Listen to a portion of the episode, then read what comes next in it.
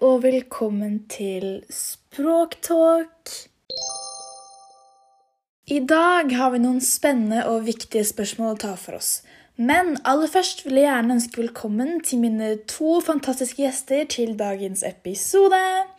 De er dessverre med oss via Teams grunnet korona, men det gjør ingenting.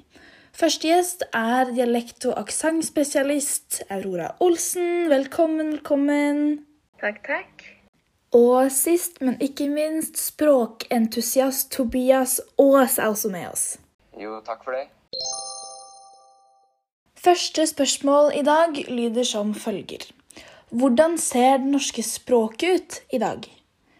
Um, ja, For det første så er det jo et veldig stort spørsmål og kanskje litt vanskelig å svare på, men vi kan jo kanskje starte med hvordan det norske språket egentlig er. Det kan vi. Man kan jo starte med å si at det norske språket har vært påvirket av mange andre språk.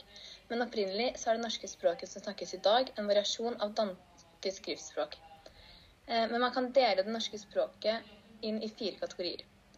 Urnordisk er gjennom norrønt i vikingtida, og så deretter gammelnorsk i mellomalderen omkring år 1310, frem til reformasjonen hvor mellomnorsk var det man snakket. I dag er det moderne norsk talemål, bokmål og nynorsk skriftspråk. I tillegg er norsk et SVO-språk, eh, dvs. Si at setningsoppbyggingen er subjekt, verbal og objekt. Et eksempel på dette er 'Anna kjører bilen'. Men når man ser på språk som japansk, som er et SOV-språk, altså subjekt, objekt og verbal, eh, blir da, blir da et eksempel på dette 'Anna bilen kjører'. Dette ungdomsspråket er sterkest på steder som har et multikulturelt preg, men ikke i like stor grad på steder der det bor kun etnisk norske ungdommer. Men det sprer seg stadig utover hele landet fordi man har mediedekning som nå tas i bruk i enda større grad enn før. Ungdommen som bor på steder som Haugenstua og Stovner, er kjent for å ta i bruk den multieknolettiske dialekten kebabnorsk. Eh, moderne norsk er jo påvirket av veldig mange andre språk, vil jeg i hvert fall påstå. Eh, Norge har jo hatt innvandring og utvandring siden 900-tallet, og helt sikkert lenge før det også. Men det var jo først på 70-tallet at Norge fikk en stor innvandring av arbeidsinnvandrere. Og dette kan jo ha ført med seg andre kulturer, og da også språk.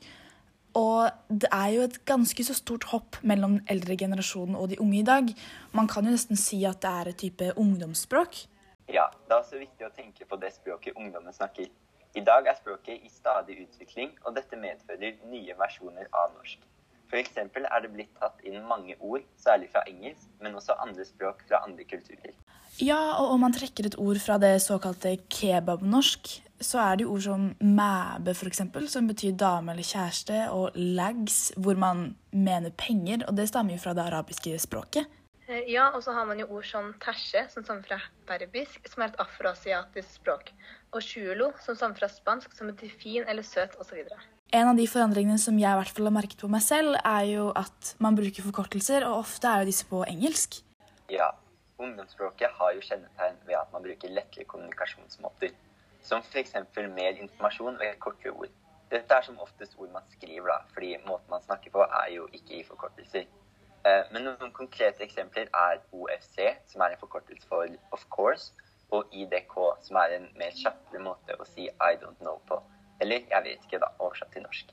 Dette gjør kommunikasjonen bl.a. mer effektiv, særlig ved teksting. Da går vi over til spørsmål nummer to, som lyder som følger. Hvordan har språket endret seg etter at det engelske språket har hatt en så stor påvirkning med tanke på media, og at det er et lingua franca? Eh, aller først så kan vi jo starte med hva lingua franca er. Lingua franca betyr at det er et fellesspråk, eller et universelt språk.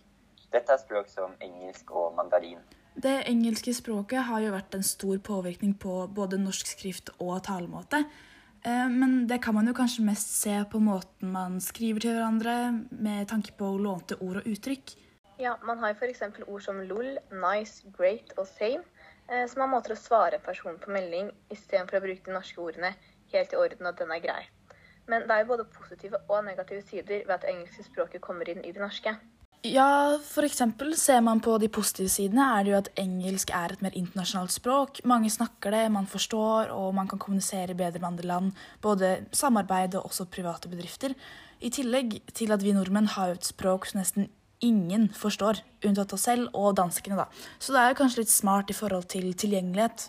Det er et godt poeng. For min del er jo også ord og uttrykk noe som jeg låner ofte fra det engelske språket. F.eks. of course, joine og chatte er jo engelske ord som flere bruker fordi det tar kortere tid å si det, og alle vet hva det betyr. Men det finnes jo negative sider ved engelsk innflytelse på språket også. Nasjonaliteten blir ikke like sterk, og man har jo sett at flere direkte oversetter uttrykk fra engelsk til norsk. Og dette medfører at grammatikken ikke er riktig. I tillegg til at flere unge bruker komma og tegnesetting feil, fordi disse reglene er annerledes på engelsk enn på norsk. Men en positiv side er jo at man har en annen måte å uttrykke seg selv på. Og engelsk har jo et mye større ordforråd, dermed at det er flere ord som man kan være mer presise med. Spørsmål tre i dag er hvilke språklige endringer kan oppstå eller har oppstått ved språklige møter, og har dette en positiv eller eventuelt en negativ virkning på språket? Det kan oppstå flere ulike endringer ved språkmøter. Noen har kun en liten påvirkning på språket, som f.eks. ordveksling, hvor man lærer nye ord og holder en samtale med noen som snakker et annet språk. Men språkmøter kan også ha store påvirkninger på språket. Ta f.eks. domenetap. Der blir et språk trengt til side av et annet, sterkere språk, og språket kan gradvis forsvinne. Dette er en av de negative virkningene som språkmøter kan ha, men de kan også ha positive virkninger. Ja, en av de positive virkningene er at man får et godt ordforråd. For å lære seg et annet språk enn ditt eget morsmål vil du få et bedre ordforråd for begge språkene. Og det kan også gjøre det lettere å forstå språk som kommer fra samme språkfamilie. Da har vi kommet oss til siste spørsmål for i dag. Det er vel kanskje ikke et spørsmål, men rettere sagt litt begreper som vi har tenkt å forklare, som dukker opp når man snakker om språk. Så det første begrepet er hva er en dialekt? Jo, dialekt er en variant av et språk som er avgrenset etter et geografisk område. Ja, enkelt og greit. Ehm, de neste begrepene som er spurt om, er hva er forskjellen på gruppespråk og en sosiolekt? Ja, dette er begreper som kan blandes. Gruppespråk er variasjoner av en dialekt innenfor en sosial gruppe, f.eks. ungdomsspråket. Sosiolekt er variasjoner av en dialekt innenfor samme dialekt eller et geografisk område. Ja. Videre så er det noen som lurer på hva etnolekt og multietnolekt er. Etnolekt er jo et talespråk som er knyttet til en etnisk gruppe. F.eks. kan dette være førstespråket deres. Mens multietnolekt er når man har et språk, men blander inn låneord fra andre språk, som f.eks. kebanorsk. Der har man det norske språket som base, men bruker låneord fra eksempel andrespråket, morsmålet eller andre kulturelle språksammenhenger, og gjort slik at det utvikler seg. Eh, når vi snakker om dette, så begynner jeg altså å tenke på at det kanskje er verdt å nevne ord som domenetap og importord. Domenetap er jo når språket gradvis blir dyttet vekk av et annet språk. Det har vel kanskje ikke skjedd med norsk, men importord er jo veldig brukt. Det er jo når man henter direkte ord fra andre språk, F.eks. som er nevnt før i den podkasten også, at ord og uttrykk er tatt fra engelsk. Eh, og dette kan jo også selvfølgelig diskuteres om er et resultat av flerspråklighet. Eh, altså at mennesker snakker flere språk flytende, noe som da gjør at man kan blande flere språk sammen. Det var alt vi fikk tid til i dag. Tusen takk for følget, og takk for all hjelp fra mine to fantastiske gjester, Aurora og Tobias. Takk for oss. Vi høres neste uke. Ha det bra!